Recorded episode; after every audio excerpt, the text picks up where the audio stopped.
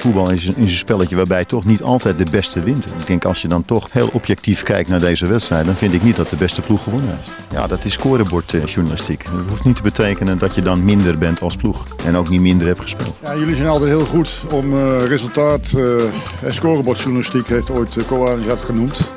het gaat om de wijze waarop je voetbalt. Ja, dat is wel makkelijk scorebordjournalistiek om nu daar heel erg ja op te zeggen. Ja, dat is scorebordjournalistiek. Ja, scorebordjournalistiek. Ook deze week een nieuwe aflevering. Uh, in de studio wederom geen gast. Uh, corona, ook bij VI. We houden keurig afstand. Maar wij bellen in met Ivan van Duren. Helemaal in de Ooi bij Nijmegen. Ivan, gezond en wel? Ja, hartstikke gezond. Mentaal en fysiek. Belangrijk, belangrijk. Uh, hou dat vooral vast. Uh, ja, zoals wij vaker hebben gezegd, deze podcast gaat over het verhaal achter het verhaal. We proberen net iets dieper in te gaan uh, nou, op de zaken die spelen in de voetballerij. Ja, en in dit geval een eh, paradepaadje van jouw kant en ook iets wat ik erg interessant vind, Ivan. Het vrouwenvoetbal. We liepen uh, afgelopen vrijdag uh, in de Polonaise, voor zover dat mocht, op anderhalve meter. Want uh, de Leeuwinnen gaan weer naar het EK. Om daar eerst even mee ja. te beginnen. Hoe bijzonder is dat? Ja, dat is echt heel bijzonder. alleen we, we, zijn er met z'n allen aan gewend en geraakt. Um, ja, het is nu bijna, ze winnen die pool. Hè, met, ze winnen alle wedstrijden eigenlijk. En zijn echt een heel sterk land geworden. Maar Nederland heeft zich bijvoorbeeld nog nooit rechtstreeks gekwalificeerd voor de WK. Het vorige WK was pas het tweede. En uh, het is echt heel erg bijzonder. Alleen we zijn binnen drie jaar. Ja, we zijn weer typisch Nederlanders. Heel hartstikke normaal natuurlijk allemaal. Maar het is bijzonder en het is vooral heel erg belangrijk omdat je.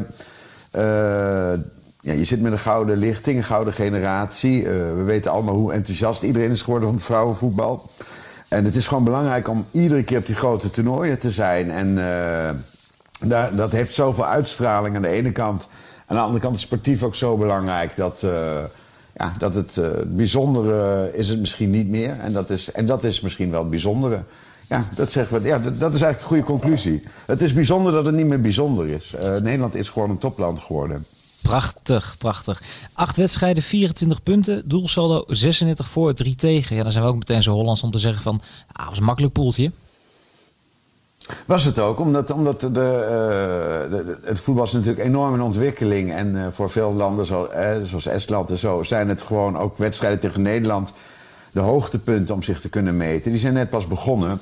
Um, dus ja, deels is dat waar. Maar dat hebben we in de mannenvoetbal ook heel lang gehad. Hè? En dat zie je dan langzaam naar elkaar toe groeien.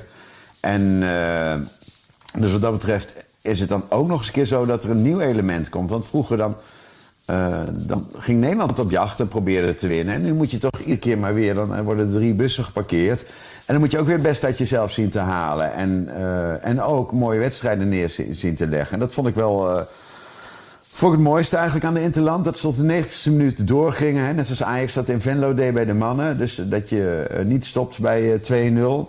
En daarmee ook toch die 1, anderhalf miljoen mensen zaten er samen weer te kijken toch weer wat biedt. En, en vergis je niet hè, van... Uh, eigenlijk een boel mensen hebben geen kinderen. Maar kijk eens in al die huiskamers en al die kinderen die staan te juichen bij de 6-0. Alsof het nog steeds... Hè, alsof ze wereldkampioen geworden zijn. Het is voor heel veel mensen belangrijk geworden. En, uh, en voor Oranje is, uh, is het ook een test. Uh, als je aan de top bent... Op het moment dat ik ga denken het gaat vanzelf, dan, dan ga je eraan. En nou, dat, dat zag er heel goed uit. En tweede wat heel positief was, is dat we een aantal, uh, eindelijk een aantal debutanten kregen. Of ja, debutanten, in ieder geval men, jongere speelsters die erbij kwamen. Want heel lang was deze gouden generatie was eigenlijk uh, 13 speelsters. het was echt heel erg smal. En daar komt langzaam maar zeker komt daar wat bij, zeg maar. En, uh, en zo zijn die poolwedstrijden, hoe makkelijk dan ook. Het, zijn eigenlijk ja, het is eigenlijk een, een, een soort oefencampagne geworden. Maar wel eentje waar je ook vol moet gaan. Want anders krijg je juist problemen. Dus uh, wat zeggen ze? Noblesse oblige. En dat hebben ze gewoon heel erg goed gedaan. Ja, keurig. Nou, uh, volgens mij het programmaboekje nu is de Olympische Spelen. Als die uh, doorgaan en dan het EK, toch? Als je naar de grote toernooien kijkt, wel ja. We hebben nog uh, natuurlijk een aantal kwalificatiewedstrijden af te ronden. Daar willen ze maximale punten uithalen. Er komt nog een oefenwedstrijd in Zwolle. Ja, en dan is het eigenlijk de focus helemaal op Japan en het afscheidstournee van Wiegman en uh, van deze. Want het is vanaf het moment dat de coach kwam.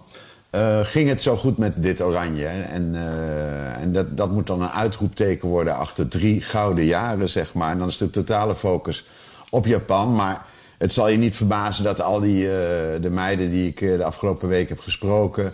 zitten net zoals jij en ik en iedereen die luistert... zitten ook in een compleet vreemde samenleving. Dus aan de ene kant is het focus op Japan. Aan de andere kant zei die Jelle van der Donk ook van... ja, ik ben gewoon zo dankbaar voor iedere wedstrijd die ik nu nog mag spelen, met of zonder publiek. Uh, voor veel mensen, uh, dus sportief gezien, wordt alles georganiseerd. Daar gaan we ervan uit dat het doorgaat.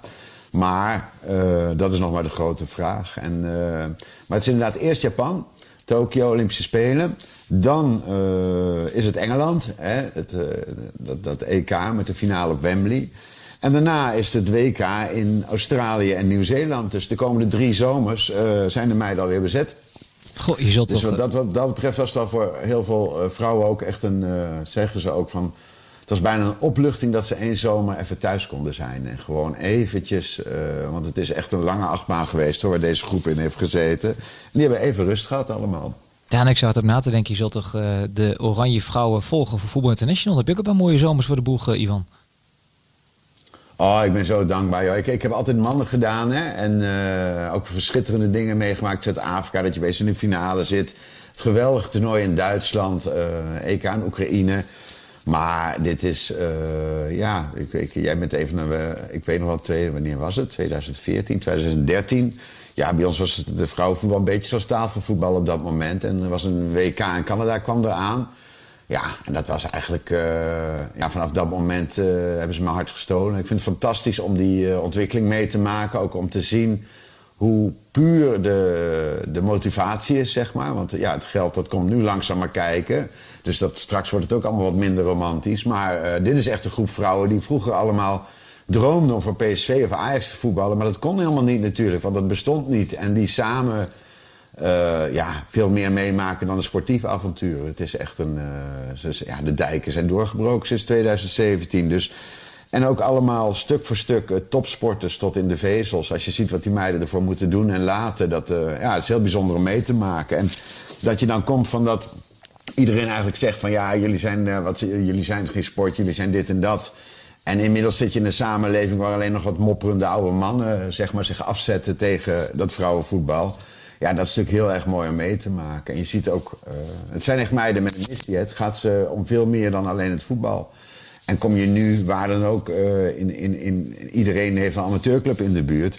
Alles is veranderd, joh. Er zijn allemaal meiden in de kantines, er zijn nieuwe, de, de sfeer veranderd, er is een heel nieuw legioen aangeboord.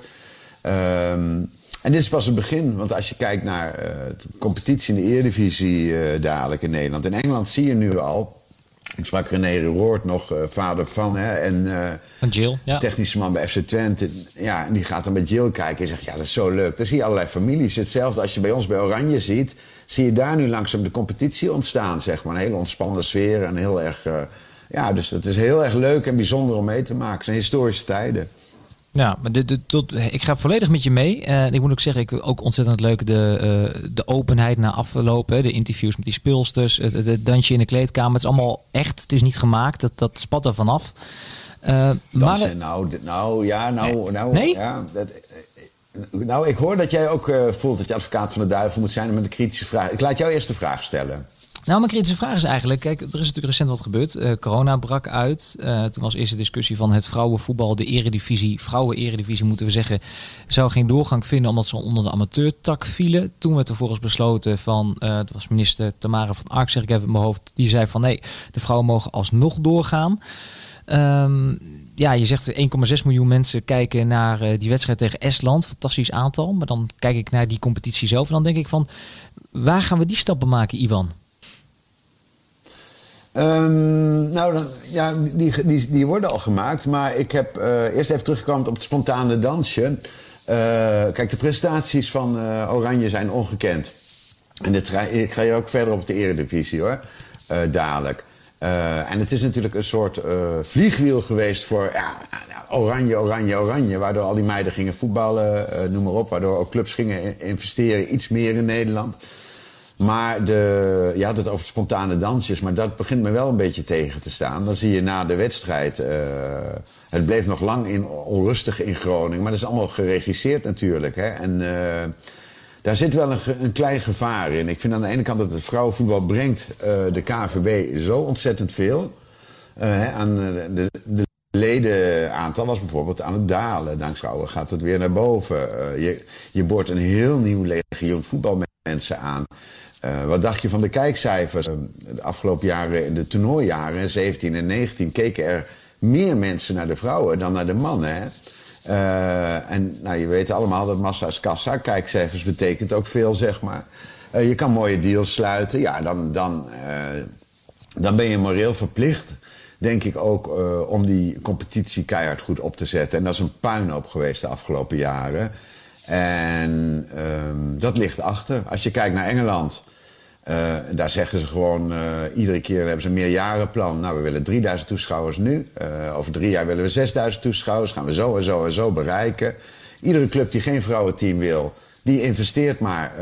die moet toch bijdragen aan het ontwikkelen van de vrouwencompetitie. Ander voorbeeld, trainers in Engeland, Miedema en consorten kunnen allemaal gratis uh, de trainersdiploma's halen. Er wordt ook gestimuleerd, zodat ze straks heel veel goede vrouwelijke trainsters hebben. Wij hebben er drie of vier. Dus het is nog echt een. Uh, uh, ja, het is eigenlijk onvoorstelbaar hoe weinig energie er nog in wordt gestopt. En dat zeggende zijn we met onder andere Kirsten van der Ven, hè, de voormalige spits die nog scoorde in Canada, die nu onder andere daarmee bezig is, worden er wel eindelijk stappen gemaakt waarvan je denkt: oké, dit gaat ergens naartoe, langzaam maar zeker. En dan doe ik op de uitzendingen op tv. Hè, dat is toch belangrijk, er wordt naar gekeken. Niet met miljoenen, maar uh, hè, er zijn al genoeg meisjes die die, die, die tv aanzetten en, en, en nieuwe helden creëren. Uh, ING is er heel duidelijk ingestapt, ook met het doel van uh, er moet meer kader komen, de Toto doet wat. Maar eerlijk is eerlijk, het blijft een beetje. ik zou er veel meer in investeren. En ik snap ook werkelijk niet waarom niet meer clubs zeg maar, snappen dat de toekomst daar ligt. Dus wat dat betreft heb je wel gelijk. En zie je ook uh, ja, dat het een beetje tussen wal en schip heeft gehangen de hele tijd. Hè? Tussen veredeld amateurvoetbal en profvoetbal, zeg maar, je goed. Maar dat is recent dus pijnlijk duidelijk eigenlijk. Ja, en uh, dat is al een pijnpunt wat er heel lang ligt. Uh, want ja, heb je nou over profvoetbal of heb je het over amateurvoetbal? Nou, Van de Zee, de baas van amateurs, die zegt... ja, ach, ja, dat zijn allemaal maar een paar kleine dingetjes... en uh, en heeft altijd gezegd, waar maak je allemaal zo druk over? Maar ja, nu bleek dus waarom je daar zo druk over maakt. En wat ook blijkt is, als je bijvoorbeeld Gudde gaat praten met de overheid over geld voor het voetbal... ja, dat gaat niet over de vrouwen. Uh, en dan is aan de andere kant is er 100, 100, ik meen 110 miljoen euro beschikbaar gesteld voor de breedte sport. Maar hebben we het hier dan over breedte sport? Ik dacht het niet. Het zijn, uh, het zijn uh, de succesvolste internationals die de KFB ooit heeft gehad. Oranje, maar ook de Eredivisie moet het daaronder. Ze komen bijna op twee na. Op Dominique Jansen en Jackie Groene komen ze allemaal uit de Eredivisie. Ja, dat zijn de wortels van Oranje. Dus daar, dat moet je onderbrengen in een profafdeling. Maar vind ik. Nee, eens. Jij zegt dat het betaald voetbal is. Even iets dieper erop inzoomen. Uh, er was een mhm. tijd dat die, uh, dat die meiden, zeg ik dan maar, die vrouwen moesten daarnaast uh, nog een beetje werken. Of in ieder geval moesten uh, flinke volle bak studeren. als ik nu ook zie welke speelsters helemaal terug zijn gekomen in Nederland, heb ik de indruk dat je inmiddels in ieder geval genoeg kan verdienen om het je broodwinning te noemen. Ja, dat zeg je goed, om je, je broodwinning te noemen. Maar je moet dan niet vier keer, je kunt dan niet twee keer in de week uit gaan eten. Maar je kunt wel praten over uh, een, eh, een semi-prof competitie. Ik had, nou, wat ik zei van René Roort, hè, wat, wat, ik, wat ik net, had ik net, net met hem over ook. Hij was vroeger prof, hè. Uh, en dan, dan, dan, ja, dan lees je bijvoorbeeld ook, uh, als je kijkt naar de grootste nederlaag, daar ging het van de week heel erg over. Hè? Die, die 13-0, dat was 12-1 ooit, Vitesse. Nou, toen waren er bij Ajax Vitesse 6000 mensen. Alle Vitesse-spelers gingen in de eigen auto er naartoe. Iedere iedereen had gewoon werk. Het werd, Nederlands, dat is 50 jaar geleden. Hè? Uh, zelfs bij Feyenoord dat de Europa Cup won. Dan moest Israël twee dagen iemand voor zijn sigarenzaak vinden. Uh, het was trainen s'avonds. Ja, wij, ik denk dat het vrouwenvoetbal al die jaren nog moet maken. Maar je kunt, zeker als ervaren prof, zeker bij de grotere clubs, kun je er goed van leven. maar er zijn ook heel veel meiden die nog thuis wonen. Of zoals bij FC Twente, waar je dan met z'n drieën in een huis woont. En dan moet je een veredeld studentenleven voorstellen. Maar wel met die eh, kanttekening dat de, uh, de trainingsuren en wat ze in de sport stoppen, en daar gaat het me eigenlijk meer om. Ja, dat kun je echt wel naast de mannen zetten hoor. In de Eredivisie. Dat, uh, dat gaat er volop. En uh, de faciliteiten worden steeds beter. Maar als je vraagt van wat verdien je. Ik denk niet dat je in Nederland. Uh, ik denk als je met 2.500 netto. En want mensen willen dan toch altijd bedragen hebben. Dat zijn er een paar. Dus eh, stel je er niet te veel bij voor. En, Wat een prachtig salaris is natuurlijk. Die, is een fantastisch salaris, absoluut. Maar het zijn de toppers, hè. En, uh, en er zijn ook andere dingen te regelen. Dat merk je ook wel. Een autootje van de club is tegenwoordig te regelen. Een huisje of een huisje, vaak moet je dan kiezen. Er zijn wel wat dingen hè, die, die, die gedaan kunnen worden. En dat is eigenlijk net zoals beginjaren van het, uh, ja, van het begin jaren 70 in, ons, ons, in het mannenprofvoetbal. Uh, je wordt er niet rijk van, best kun je nog een baantje naast nemen. Of een studie naast doen. Maar het is al heel wat. En ja, ga je naar het buitenland, ja, dan wordt het natuurlijk veel meer. Ik, ik Miedema, dat, is wel vrij uitgesproken. Maar ik vroeg haar wel even, vroeg haar een keer van... denk jij dat er ooit nog iemand, dat jij miljonair kan worden nog? En zei ze, ja, als deze ontwikkeling doorgaat, dan moet dat haalbaar zijn, zeg maar. Dan, dan moet dat kunnen. En ik, ik weet, bij Lyon zijn de bedragen bekend. Daar verdient daar verdien je gemiddeld onder de twee, iets onder de 2 ton. Uh, dus ja, dat zijn heel andere bedragen. Maar het gaat wel hard allemaal. Uh, en ook in Nederland. Want ik denk dat je in de eerste divisie, nou dat weet jij, uh, daar ben jij heel erg in thuis. ja, wat verdien je daar gemiddeld? Ja, dat gemiddelde wordt heel erg opgetrokken door de grotere clubs. Hè, door Cambuur, NAC, Rode JC en zo. Maar er zijn genoeg jongens bij die ja. daar nog geen 2000 euro netto in de maand verdienen.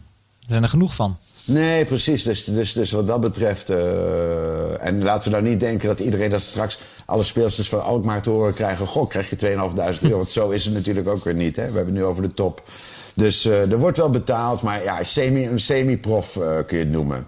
Met, uh, met, maar met wel steeds betere sportieve omstandigheden. En ja. dat is ook belangrijk natuurlijk. Nou ja, dat is natuurlijk de basis. Kun, kun je ons even meenemen? Want jij staat er wat dichterbij dan, dan de luisteraars, dan ik.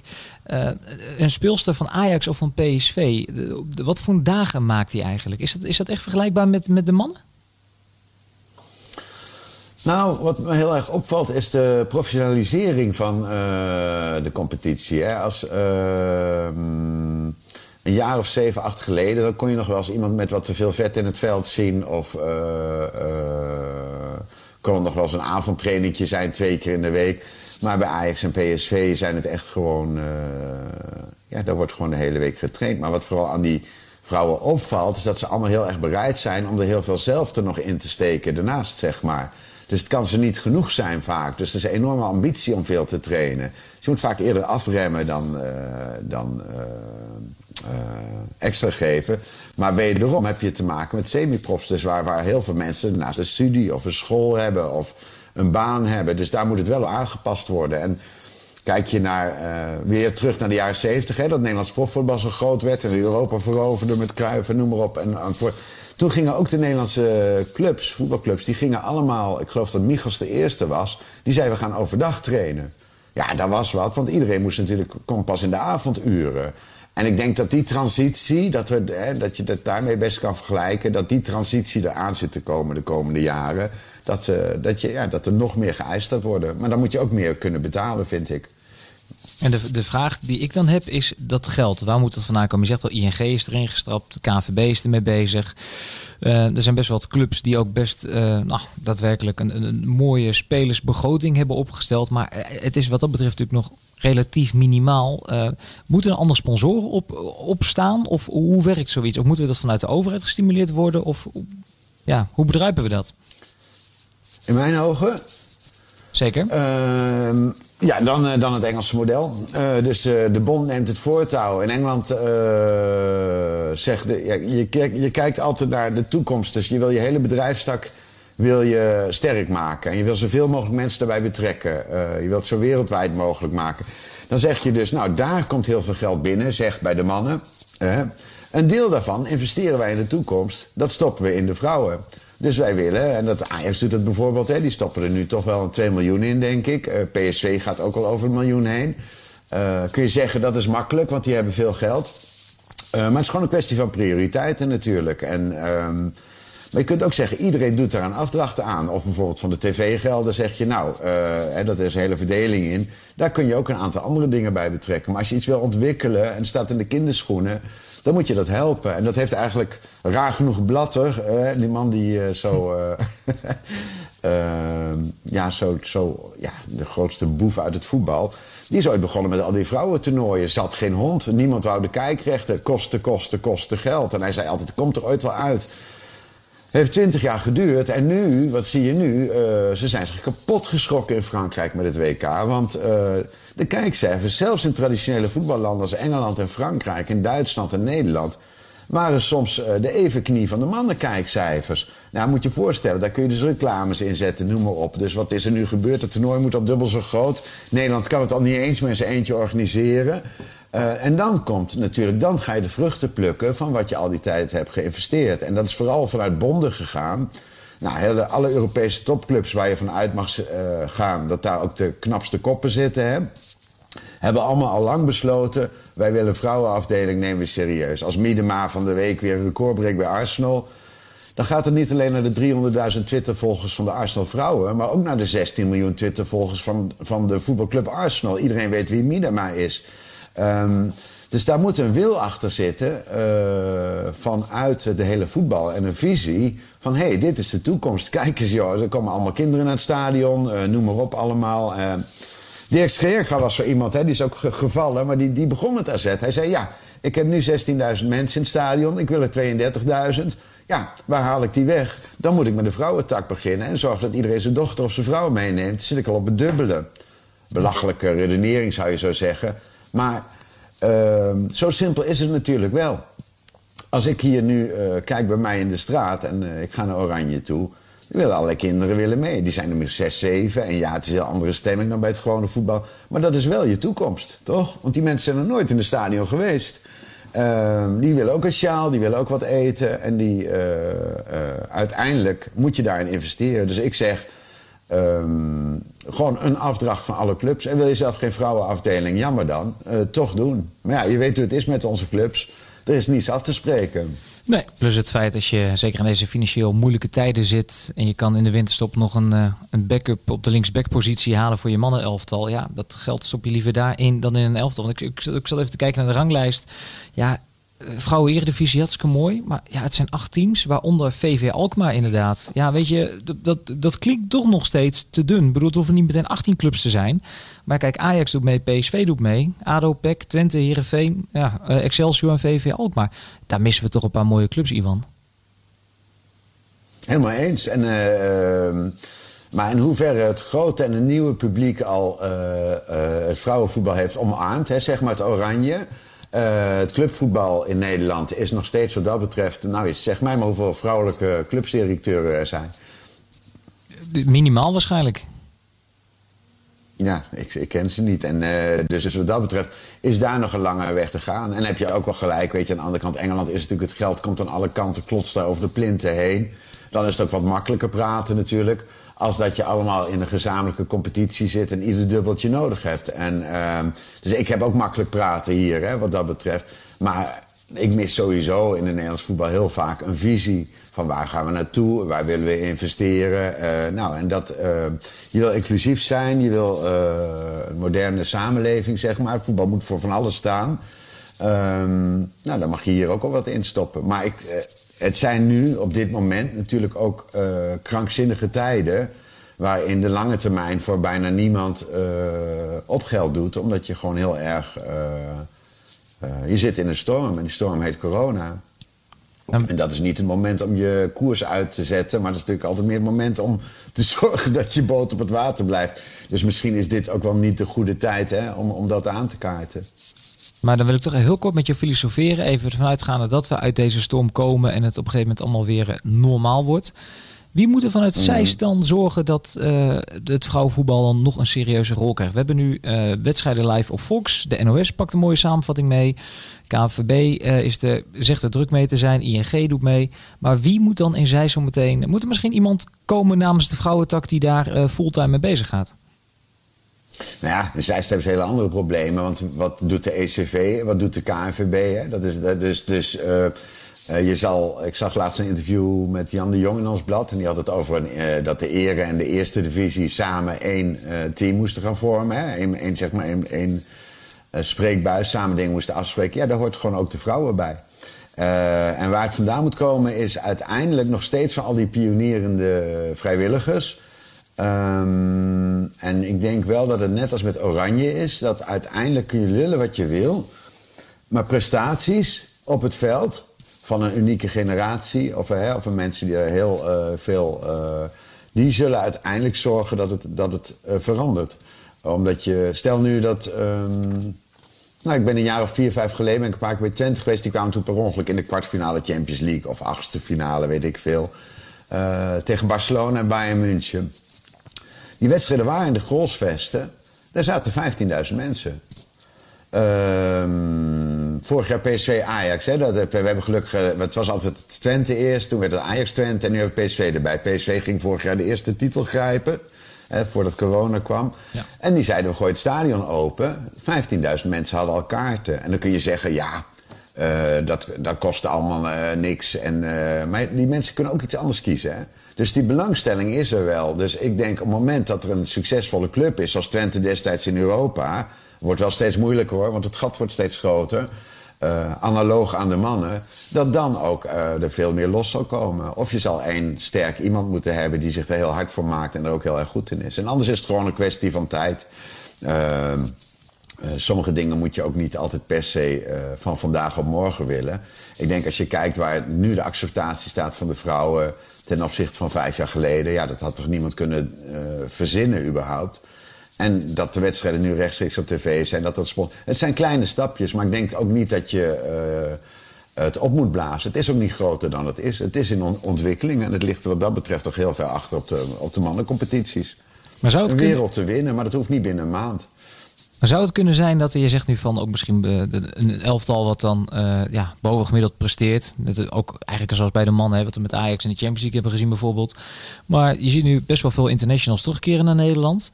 Uh, stel je nou voor dat, dat een club in staat is om bijvoorbeeld uh, op den duur Lieke Martens terug te halen. Of Jackie, Jackie Groene. kan dat dan ook niet gewoon? Goed dat je het zegt. Nou, dat is het allermooiste. Hè, dat je maar één Kijk, je had Joop Munsterman, die dochter, die voetbalde en die stopte dus, dus veel geld in, onder andere. Dan zag je meteen, daar groeide wat. Uh, het hoeven maar één of twee clubs te zijn die dat doen. Hè? Uh, en Miedema is een enorme Feyenoord supporter. Uh, Martens die woont inmiddels in Amsterdam. Van de Donk is een PSV'er. Ja, als je dat... nou ja, ik woon, jij zei in het begin in het verre Ooi. Nou, als ik hier in het verre Ooi op schoolplein zeg van Lieke Martens speelt vanavond, wie gaat er mee? Dan zitten er vijf in de auto. Uh, dus ja, dat zeg je heel erg goed. Ik denk dat de, de, uit, de terugkeer... Kijk, wat nu is teruggekomen... Uh, zij van Veenendaal van de Gracht zijn qua voetbal heel belangrijke pionnen. Maar de echte supersterren voor de, voor, voor de kinderen thuis... dat zijn toch een, zijn, ja, de namen die jij noemt. Ja, dat zal zeker ook weer een ontwikkeling zijn die, die heel erg interessant kan zijn. En wat nog ook heel erg belangrijk is... is de, de WK 2027. We hebben gezien wat 2017 voor vliegwiel was... voor de hele ontwikkeling... En ja, dat was allemaal bij de vrouwen. En ik vind dat bij de KNVB wat dat betreft heel erg veel dingen veel beter en sneller doen dan uh, in, in het professionele mannenvoetbal, zeg maar. Want wat, je hebt KVB en ECV, hè? moet je niet vergeten. De KVB is ook heel erg uh, met die vrouwen bezig. Ja, heel veel dingen gaan gewoon verschrikkelijk goed. En uh, op dat vlak. En moet je nou voorstellen dat je ook nog zo'n WK erachteraan krijgt. Als dat zou lukken. Ja, dan heb je weer een nieuw mo momentum waarop je verder kan bouwen. En, uh, maar ik denk wel, ja, Chris Woerts heeft wel zo'n plan gehad. Bring hem back. Die zei, dat kost 5 miljoen.